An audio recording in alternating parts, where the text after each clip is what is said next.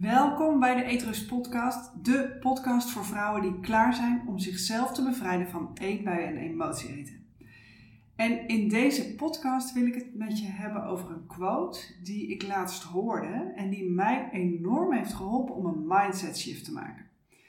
En je mindset, en daarmee bedoel ik je denkstijl, hè? dus of je vooral beren op de weg ziet of juist makkelijk kansen ziet, is super bepalend voor hoe jij je werkelijkheid ervaart. Want die werkelijkheid creëer je zelf door hoe je situaties beoordeelt.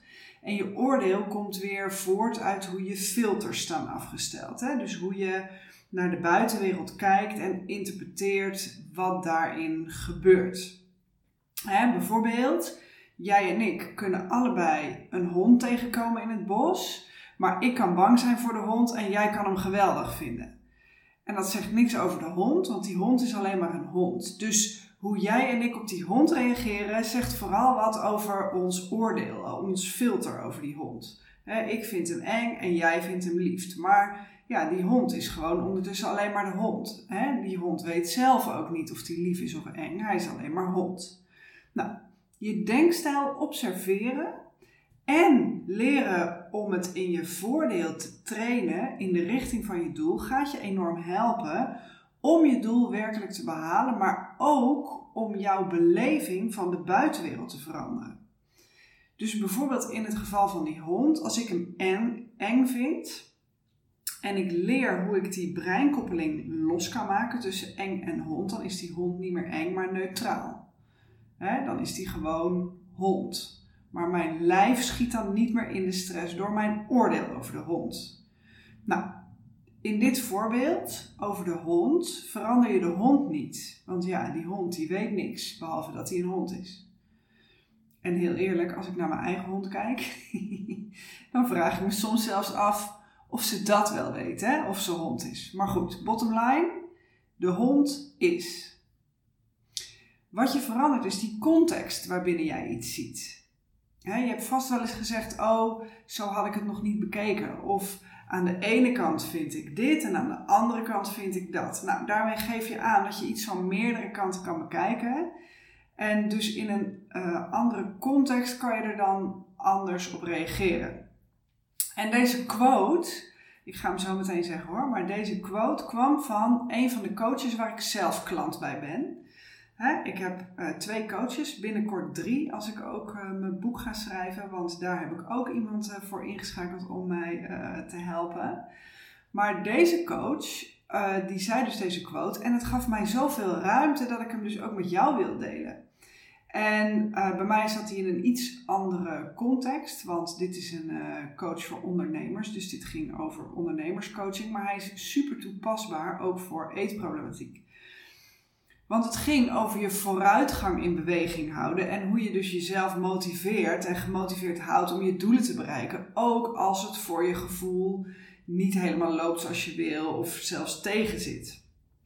En hoe belangrijk het dus is om jezelf in een um, hoge energetische frequentie te houden, want uh, daarmee blijf je in positieve energie in negatieve energie kan je geen positieve verandering maken. En laagfrequente emoties, bijvoorbeeld boosheid of teleurstelling of angst, die, ehm, ja, die zorgen ervoor eigenlijk dat jij uh, ook in een negatievere vibe blijft hangen. Als je boos bent, dan heb je waarschijnlijk ook geen zin om aardig te doen of iets liefs tegen iemand te zeggen.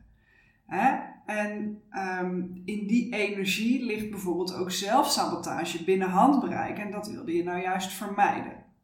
Nou, ik heb al vaker gezegd dat ehm, dankbaarheid een hoogfrequente emotie is die je enorm kan helpen om je te blijven focussen op wat goed gaat, waar je dankbaar voor bent en ehm, eh, in de gaten te houden van wat je al wel hebt.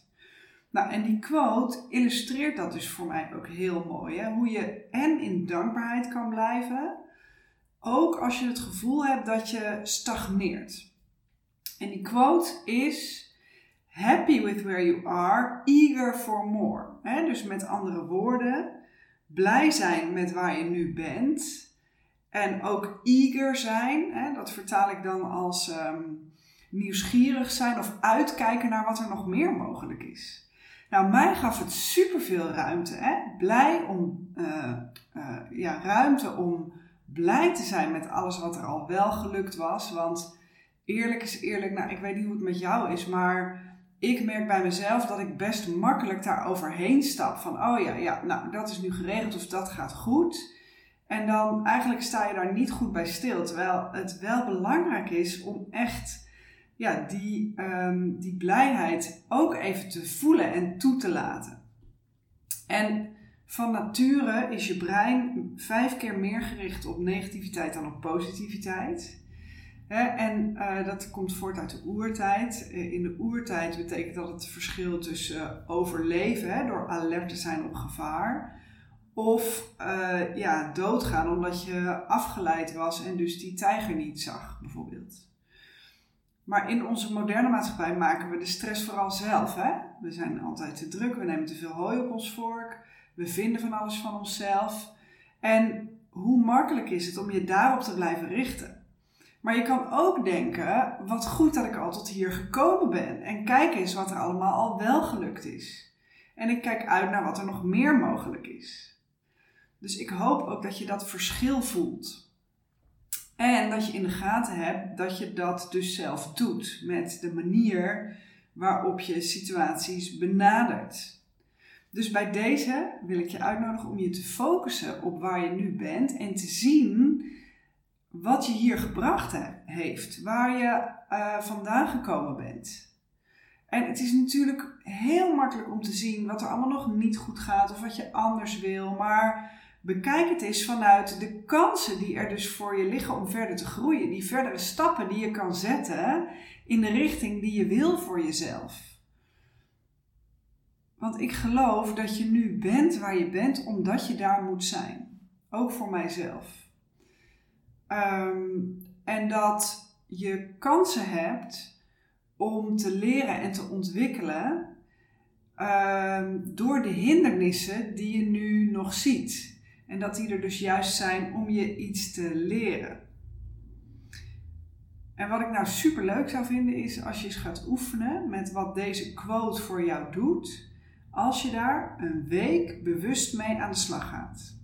En een week is kort, dat weet ik, maar het is wel een goede periode die overzichtelijk is en die je ook al een eerste ervaring kan geven. Misschien smaakt het naar meer, maar begin dus met een kleine stap, gewoon een week happy with where I am, eager for more. Dus dat je blij bent met waar je nu staat en tegelijkertijd benieuwd en bijna hongerig, maar dan in de zin van uh, niet eten hongerig, maar um, hongerig naar de ervaring van wat is er allemaal nog meer mogelijk? Waar ben ik allemaal nog meer toe in staat en welke kansen liggen er nog voor mij? Nou, en ik vind het helemaal leuk als je mij dan laat weten uh, hoe dat voor jou gewerkt heeft. Dus stuur me gerust een DM via Instagram. Je vindt de link ook in de omschrijving van deze aflevering. Doe er je voordeel mee en zorg goed voor jezelf.